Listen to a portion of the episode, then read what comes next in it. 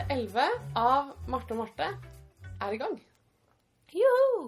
Nå er høsten på sitt aller mest høstete. Ja. Dagene begynner å bli merkbart korte. Og særlig etter at vi måtte stille den eh, Klokka. Ja, jeg hadde tenkt å si noe annet før klokka, men eh, no- fordømte Å, ja. klokka, eller Ja. noe sånt. Det var penere enn det jeg hadde tenkt å si. Eh, det var, ja, jeg ønsker at vi hadde sommertid hele året. Jeg skjønner ikke helt hvem som vil ha den timen med lys eh, på morgenen når man er kjempetrøtt og skal prøve å liksom, komme seg på jobb. Jeg vil ha den etter jobb. Det kommer til et tidspunkt hvor det er ikke lys uansett. Nei, det er bare lys akkurat liksom omtrent når du har lunsj på jobb. Ja, faktisk. Men, Men men det er koselig òg. Det er koselig. Vi, vi skal ikke bli deprimert av det. Nei. Fordi det er, eh, det er mye gøy eh, å, å gjøre i mørket. Det er mye fint på strikketapetet nå i høst. Vi, det, det, det begynner med strikkefestival veldig snart. Ja. Når vi sitter og spiller inn, så er det ikke blitt november ennå. Men eh, det blir det snart. Og 7. november er det strikkefestival i Oslo. Og samme dag er det også strikkefestival i Stavanger. Ja. Så det vil si at eh, i hele den sørlige biten av Norge så, så bobler det på strikkefronten. Vi har snakka om festivalen før, og hvis eh, man ikke har fått det med seg, og vi rekker å få denne podkasten ut før strikkefestivalen, vi prøver på det, ja. da må man gå inn på oslostrikkefestival.com og se hva som skjer. Eh, en av de tingene som skjer, er jo at vi har workshop. Vi skal ha en workshop i stiking og klippe i strikketøy. Ja. Og den workshopen ble full. Og den ble full veldig fort. Ekstremt fort. Vi hadde egentlig tenkt at vi skulle legge ut en, eh, en liten lenke på Facebook-siden vår og være sånn Hei, meld dere på workshopen vår. Det rakk vi ikke før vi fikk beskjed om at den var full. Ja, rett og slett. Men det er jo kjempe, kjempegøy at den er full, og veldig smigrende at den ble full så fort. Ja. Vi gleder oss veldig til å møte alle som skal på workshopen vår. Du vet hva det jeg tenkte på? Jeg har fått meldinger her og der fra noen som kommer. Og så tenker jeg nå skal vi faktisk møte dem i levende livet. Mhm. En del av dem på, mange av dem på en gang, liksom. Ja, Ja. det blir veldig Og så skjønner vi at det også Eller jeg har også hørt fra noen folk som eh, ikke er så fornøyd fordi de ikke fikk plass. Og det er jo kjedelig. Men eh, det er rommet som begrenser hvor mange vi har plass til. Og så tenker jeg at det betyr jo bare at vi er nødt til å gjøre dette igjen.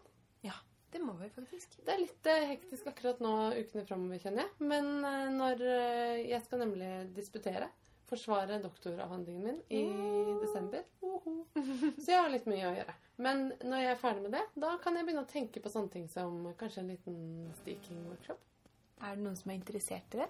Vær med Det på kan, vi, det kan vi høre om det er noen som er. Ja, da kan vi gjenta denne forhåpentlige suksessen vi skal ha.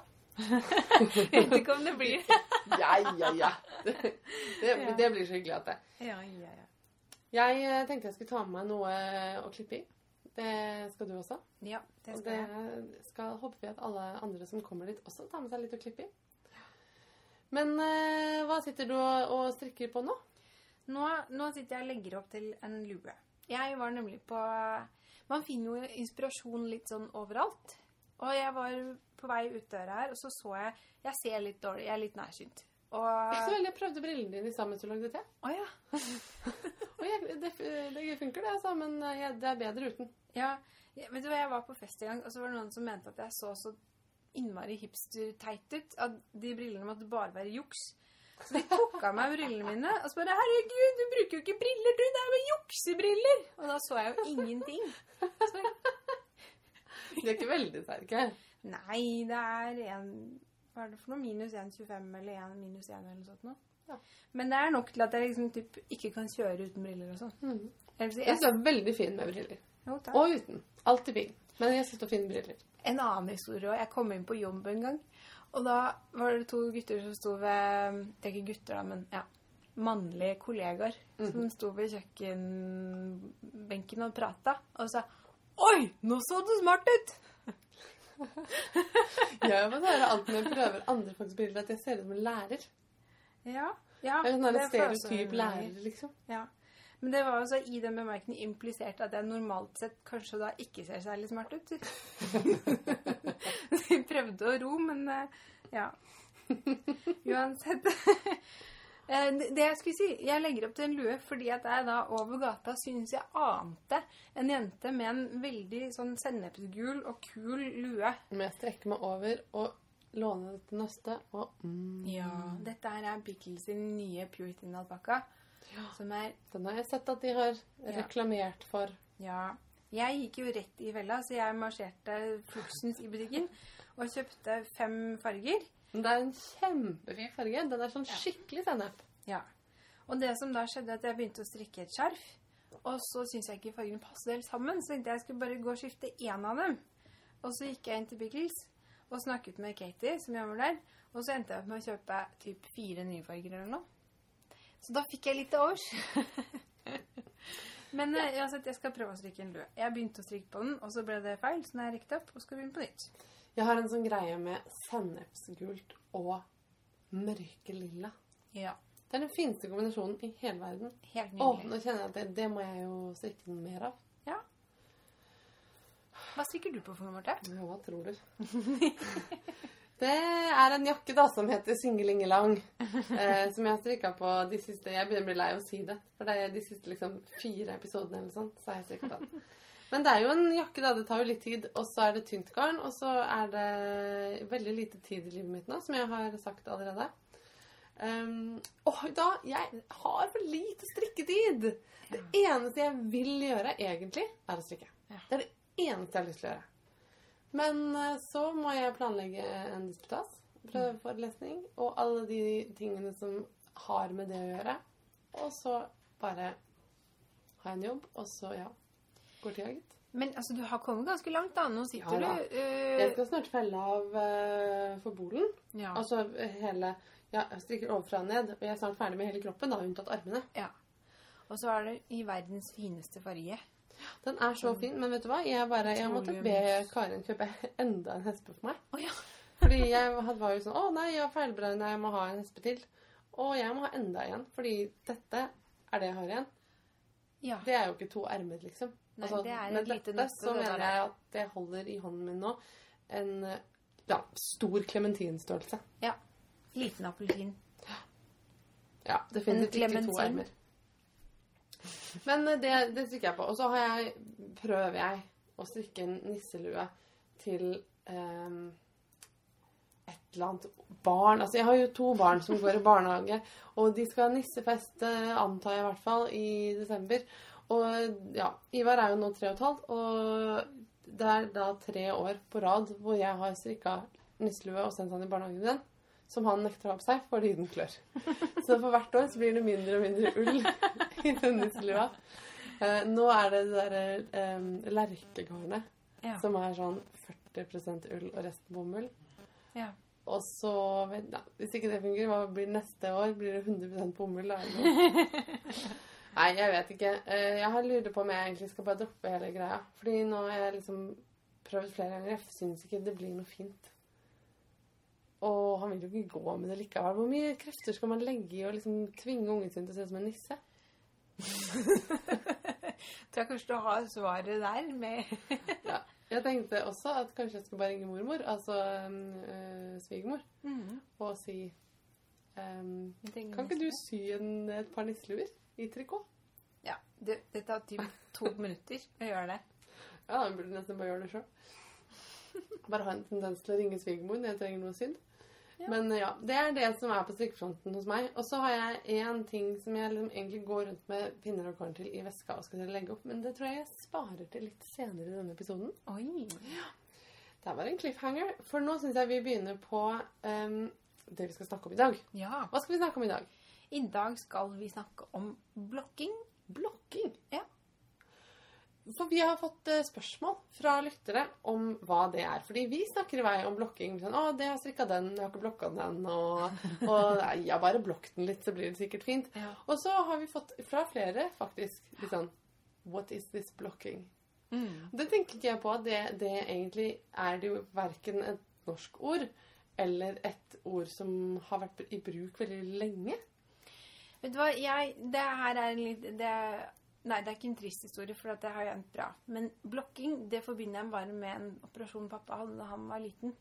Da Ja. blokket han halsmuskelen sin, for han hadde Ja. problemer. Og det, det, var, det, det betyr altså at man sprenger muskelen, sånn at den gror tilbake på en annen måte. Det var ikke noe særlig å gjøre på et lite barntre. Nei, det høres Det- veldig vemmelig ut. Men det, det, det kan assosieres fint inn til det jeg skal snakke om. Jeg skal snakke litt om hva ordet blokking eh, Hvorfor vi kaller det blokking. Ja. Fordi, ok, Først skal jeg si da, hva er det vi snakker om når vi snakker om blokking? Ja. Blokking det er det siste man gjør med et ferdig strikkeplagg. Det har veldig ofte med vann å gjøre. Eh, Det handler om å gi det ferdige strikkeplagget de riktige målene. Altså Man har jo strikka det sånn at det skal passe til en kropp. Og det er ikke alltid allikevel at det ferdige plagget liksom har de riktige målene med en gang. Noen ganger så må det bløtes og strekkes.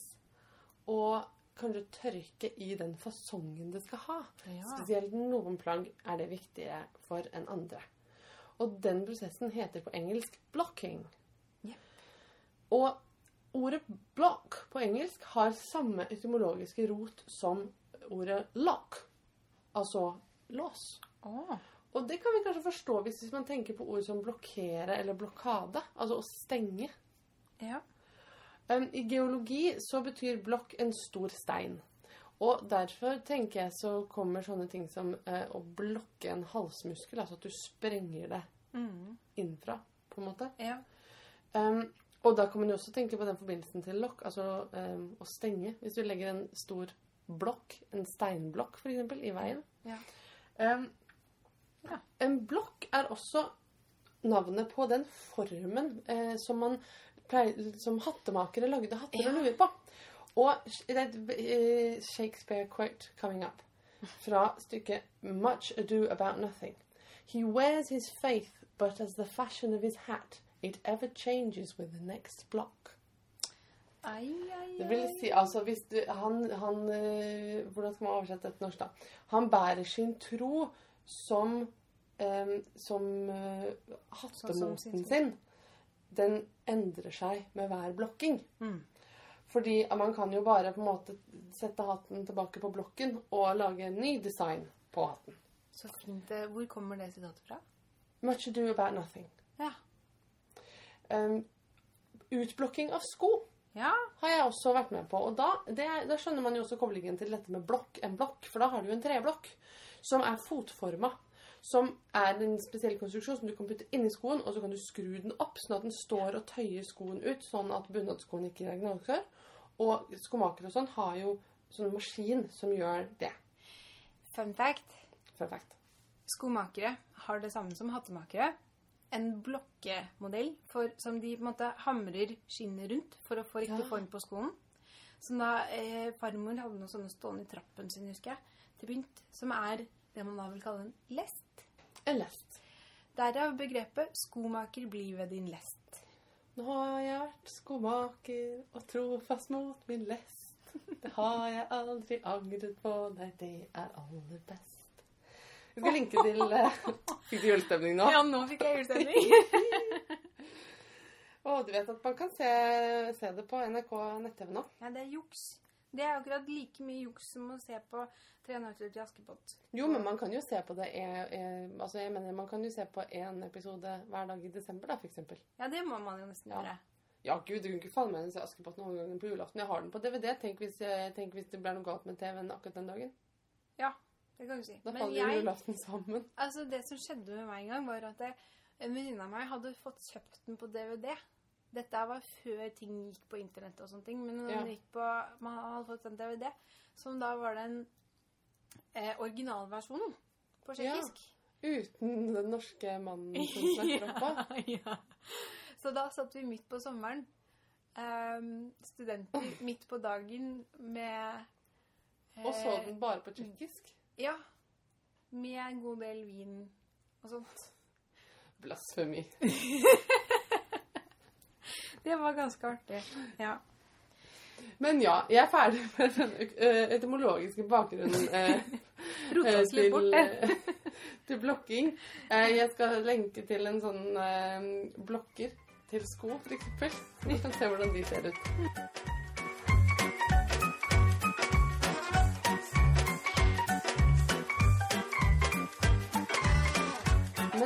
Der. Kan ikke du si noe om hvorfor i all verden skal vi blokke? Jeg har jo begynt litt på det, men eh, Jeg liker å tenke på det som at man rister maskene på plass.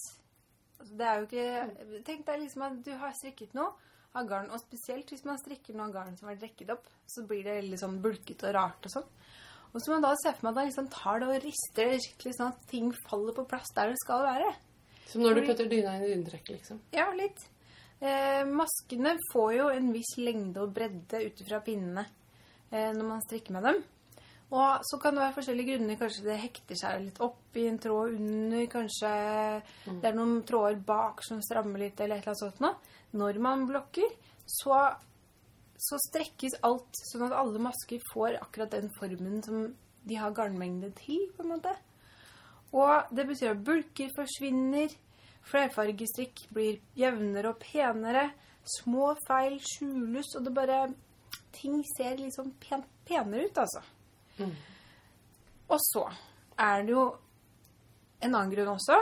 Det, altså det er det sånn som jeg oppdaga blokking. At jeg tenkte at alt ser penere ut hvis man bare blokker Det Det er sånn som På engelsk snakker man om blooming. At garn Ja. eh, blomstrer, eller altså åpner seg, på en måte, Ja. når det blir eh, vaska.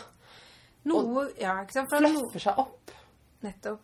Noe garn har jo da, spesielt sånn ren ull, litt spinnolje i seg fortsatt. Mm. Eller lanolin, eller annen slags fett, som gjør at garnet oppfører seg litt annerledes eh, enn det gjør når man har kjøpt det, eller når man eh, altså, kjøpt et plagg, eller når man har vaska det for mange ganger.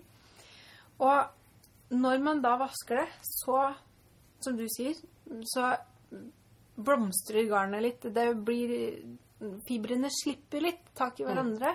Og så kan det bli litt mer sånn fluffy og deilig. Og det er veldig fascinerende med det litt sånn harde, krasse ullgarnet, som da plutselig blir mykt og deilig og Jeg tenker at det er litt sånn som når du har vært hos frisøren.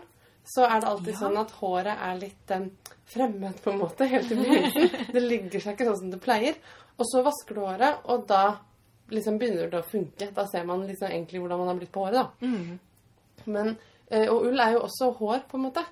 Eh, sånn at det er kanskje ikke så rart at når det har blitt måte, tvunget inn i en form, først til garn og så strikka til et tekstil, da, eh, at det blir litt sånn eh, tvunget Ja. i begynnelsen.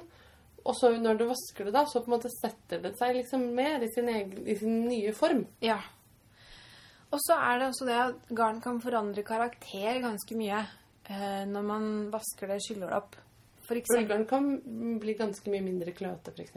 Ja. For folk som er redd for kløing. ja. Og merinogarn, som er da ganske glatt, det kan også Dette her er så vanskelig å formulere, men altså jeg tenker at det slipper litt.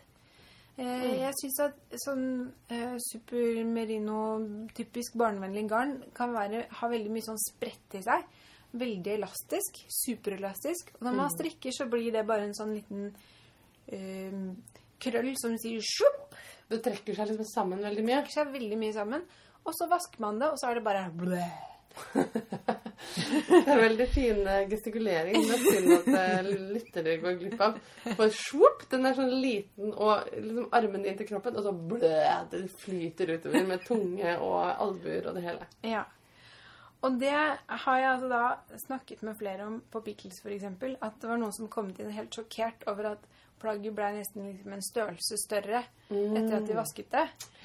Og det er noe som man må være oppmerksom på. Og det er ikke bare Jeg hørte hørt dropp, det er droppsgarn også som er liksom berykta for å bare vokse voldsomt når man har vaska det. Og det man da kan tenke på, er at hvis man sentrifugerer det ganske hardt, så trekker det seg mer sammen igjen. Ja. Og sentrifugere f.eks. ull hardt er jo bra. Ja. Uansett.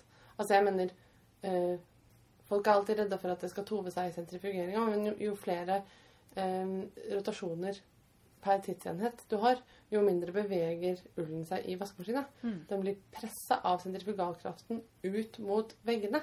Sånn at da tover det seg ikke. Da ligger de i ro. Det bare blir skvist. Nettopp. Men det er også derfor man liksom skal strikke en prøvelopp på vasken. Da er det ikke det?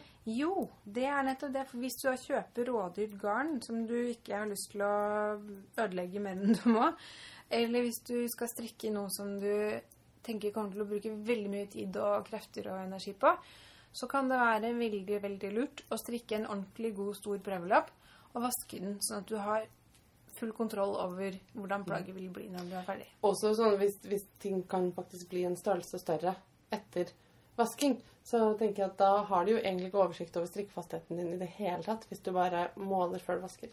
Nei. Sånn som jeg har gjort mange ganger. Det går så bra, da. Ja, det gjør jo det. Også, men det er jo da noen oppskrifter også, som skriver eh, strikkefasthet før og etter blokking, f.eks. Eller strikkefasthet bare etter blokking. Ja. Og da må man jo rett og slett bare til pers, altså. ja. Må, må. Men ja. Er det Men OK, nå har du sagt hvorfor. Ja, nå- Hvordan? Hvordan, ja. Det er flere teknikker. Det er flere måter å gjøre det på.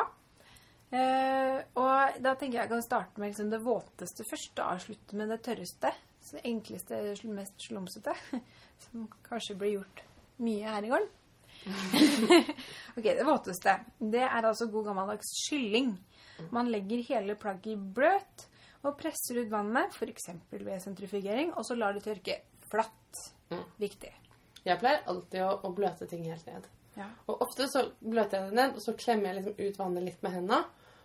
Og så ruller jeg det i et håndkle hvis jeg ikke sentrifugerer det. ja, det går det an å gjøre. Det spørs litt om jeg Jeg Ja. kan rulle i håndkleet og tråkke på håndkleet oppå også. Ja, jeg også. Da, Og så enten så kan man Når du sier tørke flatt Man kan jo på en måte bare legge det flatt på et sted, men man kan jo nåle det opp. ja, det kommer jeg til. Det kommer du til. Ja. Bra. Eh, fordi at det Jeg tenkte at vi må snakke litt om det med å legge ting i bløt, eller skylle. Ja. Fordi at jeg tenker at det kan ikke gå gærent. Det er ikke noe sted der man har mulighet til å gjøre feil. Nei. Men noen flere kunder har vært innom Pils-butikken med eh, hva skal jeg si noen um, uheldige forsøk. Hvor de da i dette vaske, håndvaske bløtleggingsprosessen har klart å tove. Å nei. og det er så kjedelig. Ja, det er veldig kjedelig. det er ikke så vanskelig å unngå. Nei, for hva gjør man egentlig? Altså, Hvordan skal man gjøre det viktigste måten å unngå å tove på, det er å vite hvordan man tover. Ja. Og toving, for eksempel, så er det veldig viktig å vite at for at det skal tove seg ordentlig, så må man ha litt temperaturskifter. Ja. Sånn at eh, ikke ha det, da, hvis man ikke vil at det skal tove. Altså ikke vask i kjempevarmt vann og så over og skyll i kaldt vann. Det som altså tover, det er jo hvis man gnir og har varm, varme på. Men jeg tenker temperaturendringer, mye friksjon og Ja. eventuelt såpebruk, Ja. det er jo toveoppskrift. Ja. Det jeg har hørt, er at eh, du skal Det som er det tryggeste når du skal få vannet ut, det er å dytte dette plagget sammen, pakke det sammen og klemme ut Mm. vannet. Kna deigen, liksom. Og hvis du da gjør dette her i kaldt vann, da kan du gni. Hvis du f.eks. har en flekk du må vaske bort, så kan du gni så lenge vannet er kaldt. Ja. Hvis du har varmt vann, så må du for all del ikke gni. Men det som er interessant også, er at ull tåler å kokes. Du kan koke Ja. ull uten at det endrer fasong i det hele tatt, men da må du ikke pete så mye på det. Du må la det være i fred. Ja. Og det gjør man jo når man farger ull, for Ja, eksempel. Da koker man det. Så det som jeg pleier alltid å gjøre da, det er at jeg bruker eh, lunka vann. Helt kaldt er liksom ubehagelig å ta i, syns jeg. Og så innbiller jeg meg, hvis man skal vaske det, at man får litt mer ting ut av det hvis det er litt lunka vann. Men det skal ikke være sånn at det være sånn at det er behagelig lunka å ta i. Sånn Ikke kroppstemperatur, ja, liksom. omtrent kroppstemperatur. Mot 40 grader, kanskje. Ja. Og så eh, dutter man plagget, så bruker man da for all del ullvaskemiddel. Eh, Milo, Milo. Milo i mitt hjerte. Men hvis jeg ikke har hatt Milo, så har jeg brukt grønnsåpe. Ja, er Funker like bra. Mm. Lukter godt. Eller bare ikke såpe i det hele tatt. Mm. Så skylle opp kan være like fint. Jeg bruker ikke alltid såpe. Nei. Altså hvis jeg, skal, har et helt, hvis jeg har et helt nystrikka plagg, liksom. Nei, da er det ikke nødvendigvis noe vits. Hvis ikke det er veldig sånn ranolinete eller noe. Ja, hvis det er fullt av spinnolje eller noe, så må man Og nesten noen bruke litt garn er jo faktisk såpass fulle av spinneolje at de lukter litt. Ja, det har ikke vært så mye borti, men eh, Og jeg har bestilt noen garn fra Danmark spesielt som er lukter veldig, eller har mye spinnolje i seg. Det er så koselig. Ja. Lukter veldig koselig. Lukter veldig rart, men jeg syns det lukter veldig koselig. Noen syns kanskje det lukter litt ekkelt òg. ja, det har jeg i hvert fall hørt folk si. Ja. Men okay. eh, ja. Så da Og så klemme ut. Klemme ut vannet. Mm. Eller sentrifugere. Jeg pleier å sentrifugere mye. Ja, ja. Full fart. full Ikke fart. noe Ja. Maks fart. Ehm, så det var kylling. Og så, hvis det da blir liggende tørt, nei, flatt, mener jeg, så er du ferdig der. Og for veldig mange ting så er er det nok. Ja. Men en annen teknikk, det er da våtblokking. Som altså Eller det er det jeg kalte det på, i manuset mitt her. Altså, når du da har skylt opp plagget, vaska og skylt opp, eller noe, og du har fått ut vannet, hva gjør man da? Jo, da kan man gjøre sånn som du forklarte, Martha, med knappenåler eller en sånn vaier som man trer inn i plagg der man vil plagget. Blokkevaiere har jeg aldri sett. Jeg har hørt om, den, om blokkevaierens eksistens. Men eh, jeg har aldri Jeg tenker at det er superpraktisk sikkert hvis man skal blokke store sjaler. Ja. Jeg har en historie å fortelle deg. Sjaler? Hvor kom det fra? Store sjal, heter det. Ja. Altså, det som er eh, poenget, det er jo da at man tar det La oss si et sjal. Hvor, eh, og spesielt da et, eh, et blondesjal eller noe sånt noe, så er det bare gjerne en krøll. Ja, det ser jo bare ut som en lefse når du Ja. er ferdig med å strikke det. Det er Ja. jo en av de tingene som må blokkes. Ja. Da kan du ta Da er det lurt å gjøre det helt vått.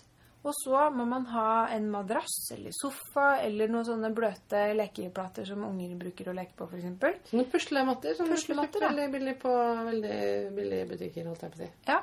Så tar du ytterkantene av sjalet og spenner opp med en million knappenåler rundt.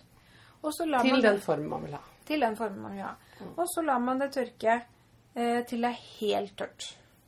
Ikke fuktig eller noe, men knusktørt. Når man da tar ut nålene, så holder det den formen som Og det er mange, mange kreative måter å, å nåle og underlag, ikke minst. Um, jeg har jo sånn eh, puslematte som jeg bruker, og det som er veldig kjekt med den, er at du kan pusle den sammen til den formen du vil.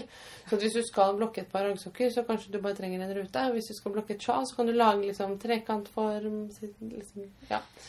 Og så kan man bruke For eksempel så er det sånn at nå for tiden så har alle mennesker som liker å sove i telt, sånne selvoppblåsende liggeunderlag.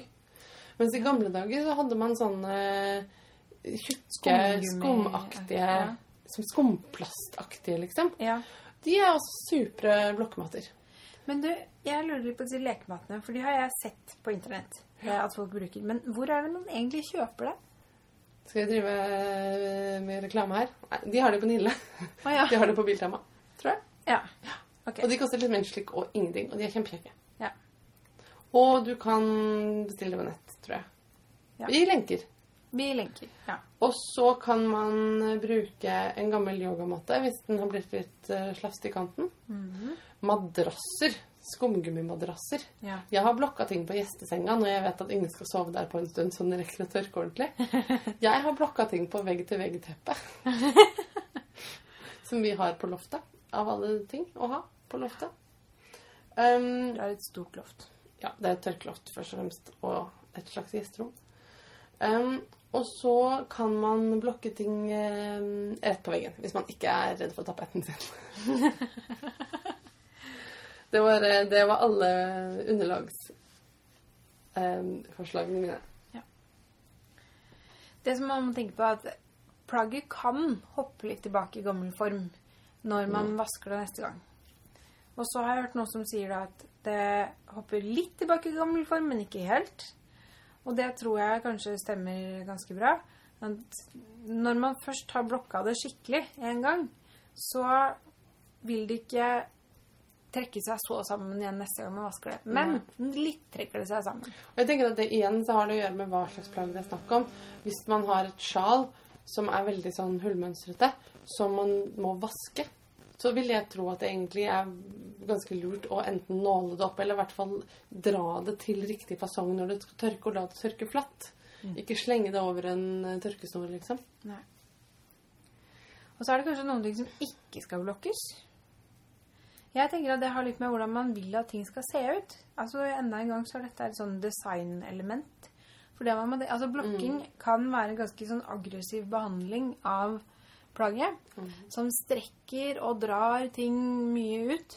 Og fletter Ja, og sånn strukturstrikk skal ofte ikke dras altfor mye ut. Du kan i hvert fall blokke det litt lettere, og så ikke Ja. trekke så mye i det, liksom. Eh, og det betyr jo også da at man kanskje kan manipulere plagget litt hvis man har vært uheldig og strikka noe litt for lite. Tja Det er litt. Eh, men eh, blokking Blokking kan jo definitivt eh, hjelpe på sånne ting. Men blokking kan ikke fikse alt. Har, vi, har du noen flere blokketeknikker du skal gjennom? Ja, det har jeg. Ja, så vi kan komme tilbake til det, kanskje. Ja, Det jeg tenkte jeg skulle fortelle om, var at um, jeg skulle strikke et skjerf til mamma en gang. Det var eh, noe jeg hadde funnet på selv, da, en gave, hvor jeg tenkte at dette mønsteret har jeg kjempelyst til å strikke, men jeg vil ikke ha det selv.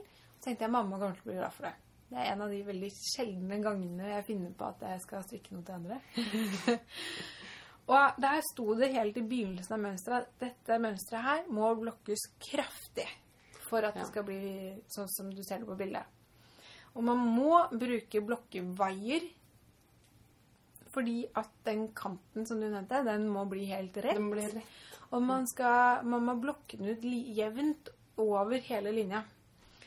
Og det sjalet det heter Guernsey Wrap av Brooklyn Tweed.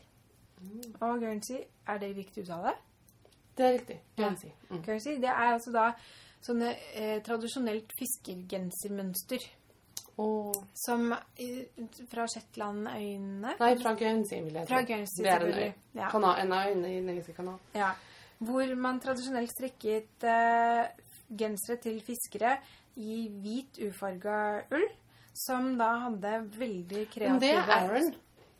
Ja, men det er samme, altså Aaron, det er samme opplegget. Aaron er vel mer en sånn paraply for forskjellige Eller for den typen strukturstrikk. Akkurat. Og så tror jeg Guernsey er liksom kjent da for å ha en egen kultur for Mhm. Hver familie hadde liksom sine mønstre som gikk igjen i flere tradisjoner. Dette her kan vi kanskje da grave litt uh, dypere i etter hvert. Ja. Det er i hvert fall en veldig fin sjal, som da jeg strikket i hvit Og kanskje vi kan ha en egen episode om Aaron. Ja, det burde vi. Kanskje. Vi skriver det på lista. Ehm, det er um, 50 cm bredt og 2,5 meter langt eller noe. Og så er det da altså strukturstrikk. Det betyr altså at det er eh, masker som går diagonalt i et felt i ca. 15-20 cm av gangen. Og så er det da veldig mange sånne felter, og på et eller annet tidspunkt så begynner det mønsteret å gjenta seg. Mm. Og noe er da altså ribbestrikk, som da ikke er meningen når det er ribbestrikk, men bare to rett, to vrang, to rett, to vrang, så man får sånne vertikale søyler. Mm. Eh, eller horisontale, alt ettersom. Eh, og kjempefint. Og jeg tenkte at da jeg var ferdig, så så dette her bare ut som en lang pølse. Så jeg skjønte jo hvorfor de sa at dette her må blokkes ganske aggressivt. Mm. Eh, men jeg hadde jo ikke blokkevaiere, og jeg var så ivrig på å bli ferdig. Så jeg vasket det sånn som jeg pleide, og spente det opp på tørkestativet. Men hvordan skal man få festa det i tørkestativet? Det endte da med at jeg sydde det fast til tørkestativet. Men jeg gadd ikke å sy en million sting langs med alle kantene. Og dessuten så var ikke tørkestativet langt nok til hele sjalet. Så det blei litt sånn derre Du vet sånn eh, Brudekjole bak ryggen, for eksempel. Eller korsett. Ja, at du, eller sånn sammen. når man har en strikkejakke som egentlig er litt for trang, sånn at den gaper på alle knappene. Ja. ja, Ja. sånn. Så det sja- sjalet, som da egentlig var en ganske sånn firkanta, stram affære, det blei litt sånn slags veldig rart edderkoppnettaktig Mm. med sånne spisse eh, Så det du bare heller kanskje burde gjort, var å, å sette det fast med knappene over på et eh, liggeunderlag eller en madrass eller noe sånt. Ja. Det som den historien er ment å illustrere, det er jo da at eh, man gjør ikke blokking bare for moro skyld. Man gjør blokking for å oppnå en Ja. konkret effekt. Og Mm. det har faktisk noe å si akkurat hvordan man gjør det. Det har det. Eh, ikke, hvis man ikke har lyst på sånne spisse kanter langs med hele raden av Mm. sjal som egentlig skal være firkanta, så må man eh, gjøre Men jeg, jeg føler at snakk om blokking er liksom litt nytt i Norge, i hvert fall. Ja. Min bestemor var en storstrikker både av eh, kofter og sokker. Og hun drev jo ikke og bløta helt, ting helt ned og nåla det opp på noen ting. Hun brukte et dampstrykjern med kjøkkenhåndkle og sto på kjøkkenet eller med strykebrettet. Og så sto hun og liksom dampa plaggene og pressa dem til den formen hun ville ha. Mm. Og det er, jo, det er jo det samme effekten. Altså du bruker vann, men da også temperatur og press Mm. for å forme det, og så tørka hun disse plaggene flatt. Det var også det neste punktet på lista her. Um, dette her med å få varm vanndamp gjennom strikk-TV, det påvirker jo også garnet. Og får maskene til å slappe av og uh, roe seg ned litt. Og legge seg jevnere. Em, og da kan man også, hvis man har noe man er, er litt redd for at skal bli for flatt, f.eks. hvis man har strikka masse fletter som skal være litt sånn fluffy og fine, så kan man legge på et vått håndkle og ta ut strykejern og bare holde det over, og ikke presse. Mm. Bare sånn at man får liksom varm vanndamp gjennom. Det er også en litt mer sånn skånsom måte å behandle Ja, for jeg føler at sånn strykjernblokking, det er egentlig ganske Det kan være ganske heftig Ja. for det tekstilet. At hvis du presser for hardt, Ja. så kan du Du kan jo på en måte kanskje ødelegge litt også. Ja, altså Man må være veldig forsiktig med hva slags fibre som er i garnet. Hvis det er noen syntetiske fibre i garnet, eh, så Altså, plast smelter jo når det blir for varmt. Ja.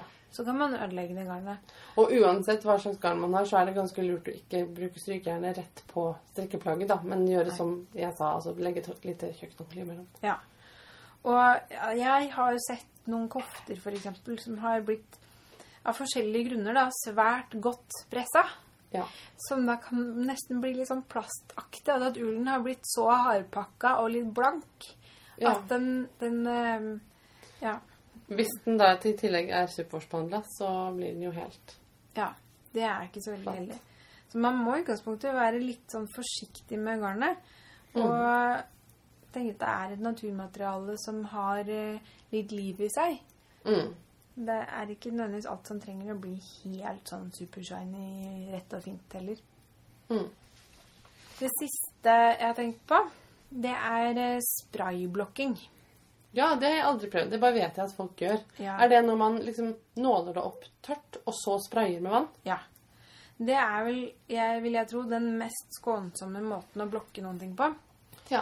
Eh, Så kanskje hvis man har strikka et sånn ull- og silkeblanding eller et eller annet sånt. Ja, ikke sant? Da bruker man altså ikke varme. Da når man opp plagget, og så tar man en sånn sprayflaske som eh, frisøren pleier å bruke, eller sånn mm. på planter eller hva det er for noe. Og så du får en sånn jevn liten eh, tåke, eller på en måte hva skal jeg si. Ja, du får, Ja. du får eh, vanne litt vann Ja. istedenfor at plagget blir helt eh, Nå får du litt mer te av meg. Takk. Istedenfor at plagget blir helt gjennomvått, så blir det bare fukta. Mm. Og da eh, må det også ligge til det blir helt tørt. Jeg har gjort dette her en gang på et sjal, og det var litt sånn latskap av meg, tror jeg egentlig. Jeg husker ikke hvorfor jeg valgte å ikke skylle opp sjalet først. Jeg, tenkte, jeg tror jeg bare tenkte at jeg, jeg hadde lest om det et sted og tenkte at dette så lurt ut, det skal jeg prøve. Eh, og det som skjedde, var at da jeg tok ut nålene, så sa det Og så krøp den sammen igjen. Ja. Ja. Så det som er clouet der, er at man må spraye nok. Ja, skjønner. Ja, nei, jeg tenker at eh, det er såpass mange grunner til å skylle opp det plagget man har strikka ferdig, som vi diskuterte i stad, at jeg tror ikke jeg kommer til å velge sprayblokking.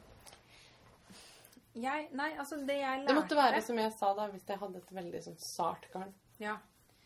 Det jeg har lært Ja, men altså, jeg tenker på et eller annet tidspunkt i plaggets liv så må det vaskes. Ja, Så det ja. meste man lager, det må jo kunne tåle en omgang i vasken. Og det mest skånsomme da, det er jo håndvask i kaldt vann med enten uten såpe eller med eh, ullvaskesåpe. Mm.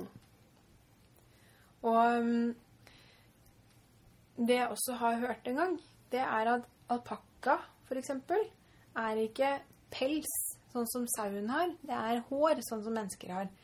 Altså strukturen på fiberet er forskjellig fra alpakkaull til saueull. Akkurat. Ja. Sånn at alpakka ideelt sett skal vaskes i eh, sjampo. Hårsjampo. Oi. Det har jeg mens jeg ikke har gjort, og jeg har vaska alpakkaplagg i- med Milo. Det de, Jeg tror du kan vaske hår med Milo for å være helt ærlig. Jeg tror Ja. ikke det gjør noe. Nei. Hva er det de sier? Alt som tåler vann, tåler Milo. Det Ja. er mye sånn produktplassering i dag. ja. jo, men altså, det er en annen ting. At I Norge så fins det jo ikke veldig mange alternativer til ullvaskemiddel. Men, men det fins ett. Altså, det fins Milo. Jeg vet om mange land hvor man på en måte må i spesialforretninger for å få ullvaskemiddel. Ja. Det er ikke så lett å få tak i overalt. Nei. Mens vi har Milo i liksom alle dagligvarebutikker. Vi er Ja. dritheldige. Jeg vet at det fins et som heter Soak i England, Ja. Og det er jo sånn eh, spesielt utvikla for liksom strikkeplagg. Ja.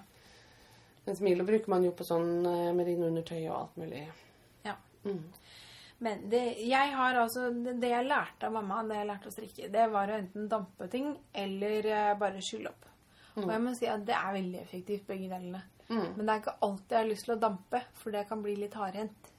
Ja. Jeg syns ofte så Det jeg aller mest gjør, det er å skylle opp for hånd. Og øh, putte det i vaskemaskinen og sentrifugere det. Og så legge det flatt til tørk. Da blir de aller fleste plaggene ganske fine å greie etterpå. Ok, så hva slags plagg må man blokke? Fordi jeg føler ikke at det er alle plagg man må blokke. Jeg tenker, som jeg har sagt allerede, sjal. Ja. Altså særlig da sånn hullmønstrete sjal. Alt som har hullmønster blonde, må blokkes. Hvis ikke så ser du ikke mønsteret ordentlig. Det blir som en sånn liten lurv. Ja. Altså det blir jo bare en liten snurp, og så når du spenner det ut Blokking kan virkelig bare eh, forandre en liten krøll til en sånn påfuglvifte av en kreasjon. Så sjal må blokkes. Og så, som du sa i stad også, skjerf og alt som skal ha en rett kant.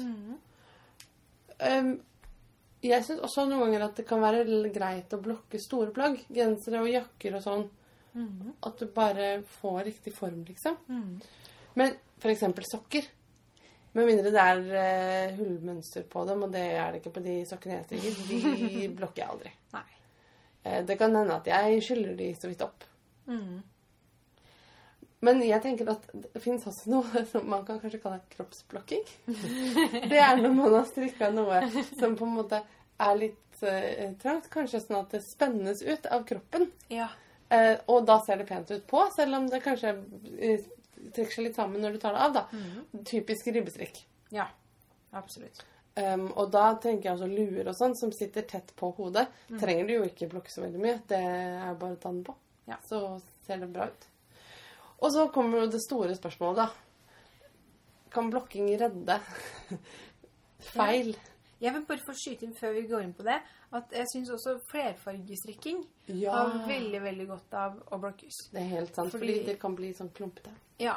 Fordi at Liksom- eh, hvis man ikke har tråden helt jevnt bak, og det tror jeg jeg har ikke sett Selv de som er helt vanvittig flinke på å strikke med flere farger, får ikke helt jevne plagg.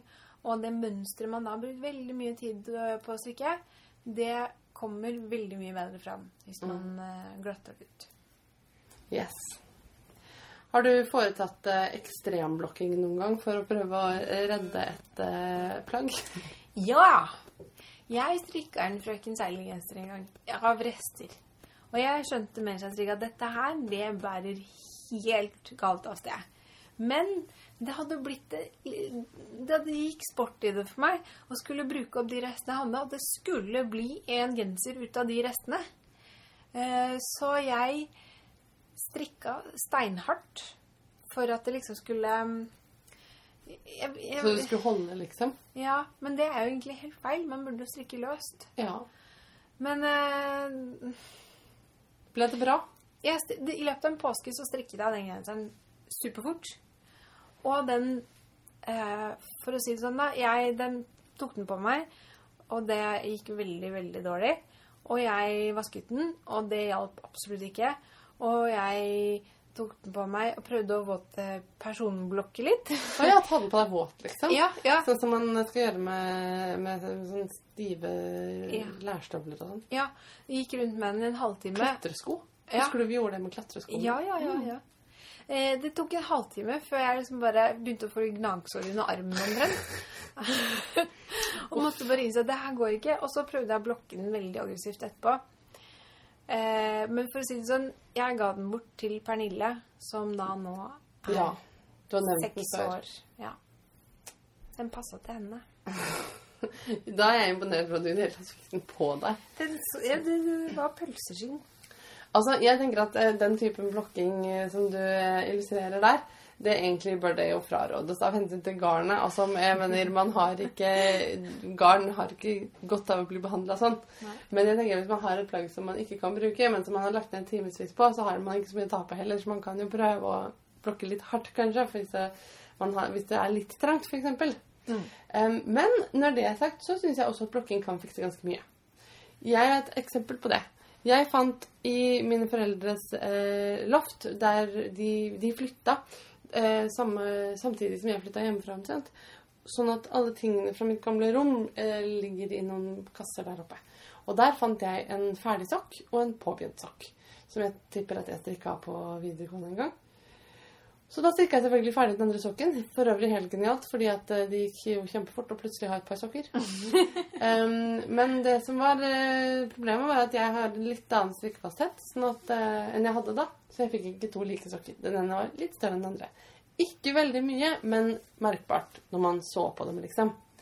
Så jeg skylte dem opp og gnei dem litt godt. Liksom tova dem litt, for de var ikke veldig trange sokker. Og de ble to ganske like sokker, og de ble fint. Ja. Så man, det er absolutt sånn hvis det er små justeringer, så må man prøve å, å blokke og se om man kan fikse det. Ikke gi opp, liksom. Nei. Og, ehm, og som jeg sa i stad med sjal ja, Nå har jeg sagt det veldig mange ganger, men det er virkelig magisk, altså. Men så er det noen ganger så er det liksom noe annet som er problemet enn en, mangel på blokking. Det kan være garnet, det kan være at man rett og slett har strikka noe som er for smått, sånn som du gjorde. Et eksempel Jeg husker at jeg snakka om um, Da vi hadde den episoden vi snakka om ull og saueraser. Og typer av ull til typer av plagg. Ja. Så snakka jeg om et prosjekt som Maria Magnusson har lagt ut på Ravelry. Og hennes Annis-sjal som bare ruller seg og blir en pølse. Fordi hun har valgt da sånn litt for mykt og bouncy merino-garn. Og jeg kjenner til det problemet, for det er faktisk en utfordring ved konstruksjonen på det Annis-sjalet. Jeg strikka et, jeg også. Um, og det, mitt krøller seg også lite grann. Det, det er rett og slett ikke bra nok kant på det. Um, så blokkinga får litt begrensa virkning. Men um, ja, ikke sant? Så da, er det, han har det med konstruksjonen å gjøre. Og, og eller garnvalget. Og er noe strikka for trangt, så er det noen ganger det bare er det. Altså, Man må huske på det at det blokking på en måte kan gi deg i bredden, f.eks., det må du på en måte ta fra lengden. Selv om du, det er klart du kan strekke fibre og gjøre et stykke tekstil litt større, men det er grenser for hvor mye større du kan gjøre det i alle retninger på en gang, liksom. Mm. Sånn at blokker du en genser som er lang og smal, så kan du få den kanskje litt bredere, men da blir den kortere også. Så det er, eh, det er ikke magi, men eh, Men det kan være veldig viktig for den siste finishen, da. På et plagg som er riktig konstruert. Ja, altså det har skjedd mange, flere ganger at jeg har blitt ferdig med noe, og så har jeg tenkt at å ja, var det sånn det blei? Det var ikke helt Ja. Den, den blei jo ikke så fin, egentlig. Og så Litt døll, liksom. Ja, Ja. litt døll. Og så har jeg kjørt i vaskemaskinen, og så tar jeg ut meg etterpå, og da er det surt. Ja. Det, det er noe med at den henter opp på en måte den formen som det er ment å være. Ja. Ja, det var litt filosofisk sagt. Jeg syns det var eh, fint å illustrere det.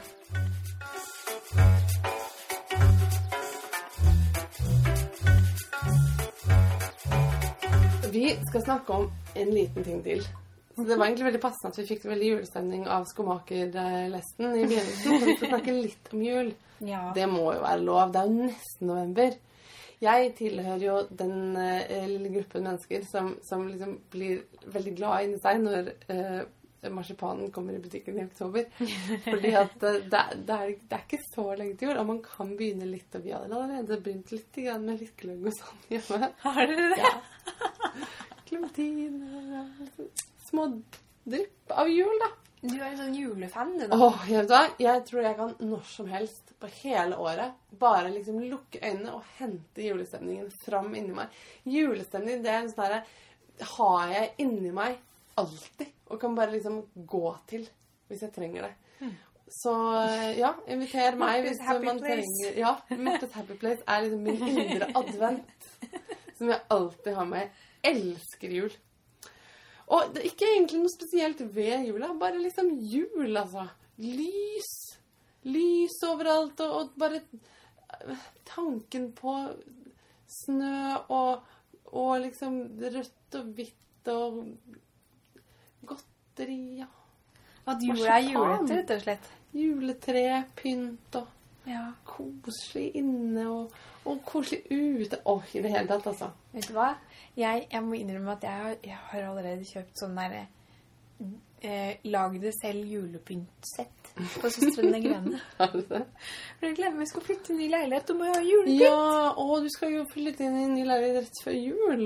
Ja. Og lage jul der. Det blir jo Ja. kjempefint. Jeg kom på i dag at vi må ha juletre, Ja, faktisk. det må man ha. Ja. Jeg ehm, har lyst til å strikke noe spesielt til jul. Jeg ehm, har tenkt at jeg er jo engelsk, halvt engelsk, og barna er jo da litt engelske. Og så er de litt kanadiske. Det er masse tradisjon her og i- inne i bildet som tilsier at barna mine må ha julestramper. Mm. Som de kan legge ut på julaftenkveld, og, og på første juledag så har eh, Father Christmas vært der og fylt dem med ting og tang og godis. Jeg har vokst opp med den tradisjonen. Og min julestrømpe var Jeg og søsteren min hadde hver vår av et par sånne skikkelig tradisjonelle norske mm, eplenikkersstrømper. Skistrømper. Herrestørrelse. Romslig. Plass til veldig mye snask. Um, men uh, det ser jeg ikke for meg at jeg rekker å strikke før jul. Det er det. Det skal jo gjerne være litt størrelse på dem, ja. Om Ja Jeg tenker kanskje at man kan stikke litt mindre enn de jeg hadde. Eller de vi hadde. Men jeg har eh, søkt litt på, på Ravelry. Det er ganske morsomt. Hvis man bare søker på Christmas stocking, så finner man mye rart. En del sånn amerikanske, litt tacky, om jeg får lov til å si det, med litt sånn veldig mye sånn eh, snowflakes og små juletrær, og at det blir litt tacky for meg, egentlig. Ja. Og hvor du ser at de kanskje er litt sånn akrylske. Jeg vet ikke. um, men, men det var noen fine av de også. Og så finner man selvfølgelig flere oppskrifter på sånne gode, gamle norske skistrømper. Som jeg syns kanskje er det kuleste av alt. Jeg fant eh, eh, også noen veldig søte eh, sånne dekorasjonsstrømper. For det som er kjekt med sånne julestrømper, er at du trenger jo ikke eh, å strikke dem sånn at de går an å bruke som sokker. Nei. De kan jo på en måte være mer en slags stor pose med en hæl på. Mm. Og jeg skal lenke til noen forskjellige som jeg fant. jeg. Jeg fant det er også eh, selvfølgelig en del sånne festlige med hæl, f.eks. Altså som det ser ut som en ja, strikket sånn. høyhælt støvle. Ja. Og eh, ballerinasko og sånne ting. Mm.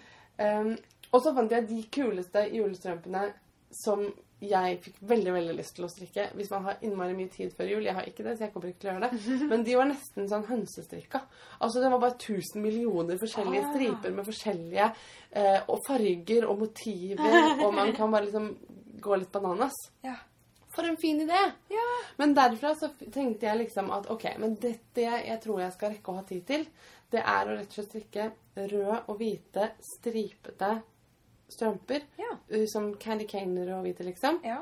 Og så tenkte jeg at jeg kunne strikke inn barnas navn i en stripe her og der. Sånn at det er liksom Ivar, Ivar, Tomin, Tomine, kanskje. Koselig. Så det håper jeg at jeg skal få tid til før jul.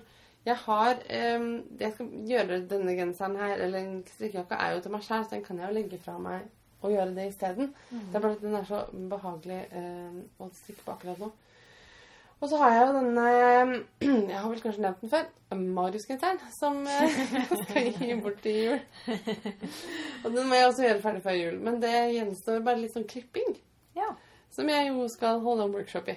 Så Ja. det kan jo hende at jeg får klippet litt. Og så tror jeg ikke jeg skal strikke noen særlig julegaver utenom det, altså. Nei, du pleier du å strikke julegaver? Det hender. Mm. Jeg har, altså, ja, ja, jeg har gjort det, men ikke mange hvert år. Men det er stort sett noen som får et eller annet. Men det kan være liksom et par votter til en unge, altså. Mm. Um, men jeg har gitt bort genser og sånt til jul òg, jeg. Ja. Som jo er ganske stort. Men jeg, vil, jeg, er ikke, jeg mener at hvis man skal strikke julegaver, så må det være fordi det gir deg en glede å strikke det plagget. Altså, jeg er veldig motstander av sånn der hastestrikking Ja. opp mot jul, altså. Ja. Jeg, jeg må innrømme faktisk at um, Nå håper jeg ikke at noen blir fornærma som hører på dette, her, men at hvis jeg har strikka noe som jeg egentlig tenkte skulle vært meg selv, men som jeg ikke ble så fornøyd med, så tenker jeg at den kan jeg gi bort, da. Oi, jeg tenkte noen ganger omvendt, jeg. At liksom Nei, den er ikke fin nok til å gi bort. Og sånn om ting jeg strikka. Jo, men altså, det kan godt være plagget eller tingen i seg selv blei fin nok, men at jeg ikke likte den på meg. Eller, Ja, eller noe var fornøyd med fargen, eller at det ikke funka helt, Ja, liksom. Ja. ja. Jeg har en lue som jeg driver og tenker på om kanskje jeg skulle bare sende videre i, Mm. i verden, altså. Ja. Hva syns du om å gi garn i gave, Marte? Garn. Ja, til strikkere. Herligheten, det fins jo ikke noe bedre. Nei. Men jeg tenker at da må man kjenne den man gir til litt. Altså, det er jo ikke noe kult å få ukult garn. Nei. Jeg har Det- fått garn i gave noen ganger, og det har alltid vært kjempefint. Men det har vært sånn altså, Da for eksempel Anne gav meg garn i gave Mm. til bursdagen min, Ja. da hadde hun jo konferert med deg. ja. Som jo var genialt. For da fikk du det perfekte garnet, som var helt uh, super. Det var eh, sånn herlig sånn Hva skal man si? Bringebærrosa um, Hvilket garn var det igjen? Det var, uh, abulita. Abuelita- Abuelita Merino. ja. Fantastisk garn. Mm. Ja, men eh, jeg tenker sånn til strikkere. Strikketilbehør. Ja. Det kan man jo ikke få nok av. Altså Å få liksom fine sånn maskemarkører eller målebånd og sånt, det er jo kjempekult. Ja. Prosjektposer. Ja. Tenk å kunne få fine prosjektposer til jul. Ja. Altså, hvis man sitter Hvis dere sitter der nå Hvis det er mot formodning noen som ikke strikker, men hører på oss allikevel Kanskje det er noen som sitter og hører sammen med mannen sin, eller noe sånt, nå, og, og mannen trenger tips. Eller kona som ikke strikker. Eller konen. En partner, venn eller annen person som måtte være til stede nå, som ikke strikker, men vil gi gave til strikkere. Ja. Jeg personlig, og en del med meg, tror jeg, er veldig, veldig, veldig interessert i å få garn til jul. ja. Men Og det er det, det kan stort sett være hva det skal være, så lenge det ikke er effektgarn. Altså Eller akryl. Eller akryl. Men der hører du allerede. Du har krav. Dette vet ikke ikke-strikkere noen ting om. Nei, jeg tenker tenker gå i en garnbutikk også og si liksom jeg vil gi en gave til en strikker. Hva er fint å gi? Det kan man gjøre. Men jeg tenker jeg går inn i en garnbutikk og sier 'hei, jeg skal ha ull'. Ja. Fordi- Uten tull. Ull uten tull. Hashtag. Ja. Ja, OK. Men også folk som strikker selv, som skal gi gaver til andre som strikker. Ja. Jeg er jo blitt en sånn enorm fan av eh, håndverksbytter. Ja. At man liksom bytter Altså at man avtaler. Du strikker noe til meg, jeg strikker noe til deg. Man kan til og med avtale akkurat hva.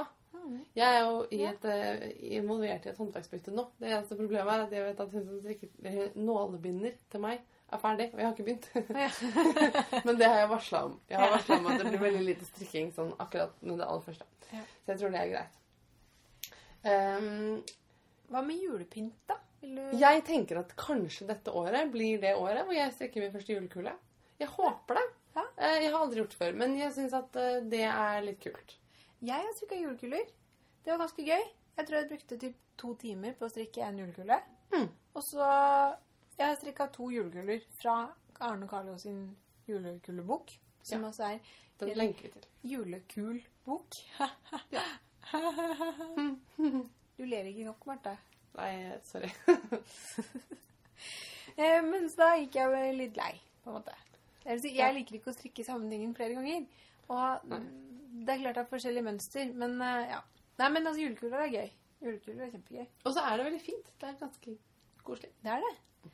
Men jeg har, jeg har funnet fram en par tips, andre tips. Hvis man liker julekuler som konsept, så går det også an å hekle, hekle utenpå julekulene. Altså hekle på type Ja. netting eller en annen slags mønster. Søsteren min har gjort det. Og søsteren min, hun er en sånn Hun kaller seg selv Tårnfrid nå. Så det er ikke bare at mamma og jeg har- eh, sier det, og hun blir litt sånn eh, snurt. Men eh, hun er en veldig travel småbarnsmor som eh, eh, ikke har tid til så veldig mye. Men hun har klart å hekle på julekuler. Ja. Du kan, man kan gjøre helt enkel sånn luftmaskehekling. Eller så kan man lage litt flere, eller litt mer avanserte mønster. Og der har jeg sett et mønster på nettet fra eh, en blogg som heter dottid.no. Norsk blogg. Det er mer, litt mer avanserte greier. Men det tar ikke lang tid, altså. Det er jo liksom grenser for hvor store disse julekulene er. Typisk bra i restegarnsprosjekt. Absolutt. Og så Man kan også hekle små hjerter og stjerner og sånn. Ja, ja, det har jeg tenkt på flere år på rad. At jeg kunne tenke meg å hekle snøfnugg. Ja, det har jeg gjort. Har du det? Ja, det har jeg gjort. Som jeg had, har Hva gjorde jeg med dem igjen? Jeg jeg hekla mange. Ja. Og så hang jeg noen opp i vinduet, og så tror jeg at jeg kanskje sydde noen på noe. Et skjerf Ja. Fordi jeg fant noen snøfnugg som De ser ut som sånn forstørra snøfnugg. Ja. Som er super De ser veldig avanserte og det er derfor jeg ikke har gjort det. Fordi jeg syns det ser så innmari avansert ut. Og de kan være stive. Sånn Nå husker jeg hvor jeg fikk minner fra. Molly Makes. ja. I julenummeret av Molly Makes for liksom et par år siden eller noe. Ja. Hadde sånn strikkeoppskrift på, jul, eh, på snøfnugg. Ja. Ikke strikke, hekle. Ja. Og de var veldig, veldig lette å lage, og ble veldig pene. Da lenker vi til litt forskjellig der. Mm. Um, ja. ja. Mens jeg var da på uh, leting etter juletips, eller julestryktips, så fant jeg også da eh, Jeg har to, to tips igjen her. Et seriøst og et litt useriøst. Eh, eh, så kan dere gjette hva som er hva. Det ene det er en julepuddinglue. Og det andre er en hals. Og den halsen, det, det Jeg tenker den julepuddinglua, det må være den seriøse. ja. Julepuddinglua. Hvis du ønsker at ungen din skal se ut som en julepudding, da kan du strikke den. Tenk jordbærlua. Sånn hvor huet er et jordbær med en sånn Å gud, nå kom jeg på at det er jo Stir Sunday. Hva for noe? Jeg må være klar for det. Starve Sunday. Stir up. Altså den dagen, den siste søndagen i november, da skal man lage the Christmas pudding. Å ja. Det er viktig, den skal jo lagres. Ja. Uh, og det må planlegges på forhånd. Fordi man må ha alle ingrediensene, og man må ha brandy og sånn. Du har en måned på deg, Marte. Nei, det er det jeg ikke har. Jeg har mye kortere tid, fordi jeg må få alle tingene i hus. Og uh, soake alle de tørka fruktene i brandy. Å, sånn. I liksom et par dager. Det sier også at den puddingen er brun. Ja. Og så er det en kremklatt på toppen, og så er det rødt bær der. Det er det da ungen din skal ha på hodet hvis du har lyst til å lage den. Ja, veldig festlig. Vi linker til den. Veldig fint. Ja. Og så sånn eh, litt mer seriøst tips, da. Eh, som jeg tenker det hadde vært overkommelig for meg. Det var å strikke en hals. Og den var en sånn litt vid Mm. hals som man kan surre to-tre ganger rundt halsen. Typ perlestrikk. Og den som var på bildet, den var sånn eplegrønn. Oh, Så tenker. Der var det noen god kombinasjon av litt interessant mønster og kul farge. Tenker, Da kan man velge favorittgarn og tykkelse. Skru av hjernen, sett på TV-en. Og bare strikke. Strikk. Perfekt. Skru av hjernen, sette på Love Actually. Ja. Og la julesendingen julestemningen strømme. En liten kopp gløgg også da. Så. Oi, ja da. Og etter at vi begynte å lage gløggen sjøl fra bånda, så har jeg slutta å like tomtegløgg. Så det anbefaler jeg alle å gjøre. Det er utrolig mye lettere enn du tror. Du blander eplejus, vanlig generic butikk-eplejus, en del av det. Og så tilsvarende mengde av en blanding av solbær og blåbærsaft. Ferdig blanda, altså. Mm. Oppi. Og så må du ha kardemommefrø og nellikspiker. Eh, man kan ha oppi litt alahonde. Det er godt. Oh. Og kanelstenger. Og så lar du det koke i vei en liten stund. Eller du lar det koke opp. Jo lenger du lar det stå med krydderet, jo sterkere kryddersmak får du. Og dette kan du da Har du plumpe oppi? litt Nei, Nei, nei. Så plumper du litt rødvin oppi hvis du vil ha det. Eller litt hvitvin oppi hvis du vil ha det. Eller eh, litt whisky oppi hvis du vil ha det. Eller så drikker du det bare som det er. Ja. Og så kan du bare kjenne julen strømme. Jeg husker en gang da jeg jobba i en bokhandel. Eh, ikke den siste jeg jobba i, men eh, noen bokhandler før det. Da var det, det var veldig koselig å jobbe der i jula. Fordi at oppe i pauserommet, der sto det alltid en kjele med gløgg. Det er den Mm. sterkeste vodkagløggen jeg noensinne har drukket. Oi! Da var det liksom, ble det litt for mye mens sekundene som bare gå opp og ta seg en klunk, og så ble man veldig blid. Mm, Spenstig. Ja. Det er jo veldig flott. Jeg, eh, jeg har alltid delt kontor på jobben, så jeg har alltid vært hun som har liksom pusha klementiner og pepperkaker eh, på de andre i hele desember. Eh, Nå har jeg enekontor, så nå eh, blir det ikke noe pushing. Men kanskje jeg skal liksom ha åpen dør.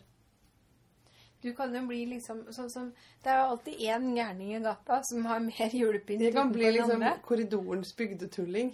Ja. Som bare jeg kan ha, Ja, jeg kan ha sånn der blinkende amerikansk belysning på kontordøra mi. Når man ser Hvis døren lyst står åpen, så Så kommer det hører bare man sånn bare sånn røyksky. Not roasting on an open fire. En sky av kongerøkelse ut døra. ja, det blir bra. Ja, koselig. Jeg håper ikke vi har gitt alle lyttere liksom juleoverdose før eh, november har kommet i gang her. Um, men herregud. Hva, hva er problemet, liksom? Kos oss med jul. Og folk som mener at liksom Å nei, men da bruker man det opp, og så er ikke jula ordentlig julete når den først kommer. Det, det mener jeg er bare tull. For meg så er det bare en sånn oppadgående kurve. Når jeg kommer til julaften, da er jeg så liksom Bare inn, Da er jeg helt sånn bløtlagt i julestemning. Så at jeg er helt sånn Jeg er bare jul i hele meg. Du er så julemarinert, liksom, akkurat Ja. som Å bli lei, det tror jeg er en sånn ikke-ting.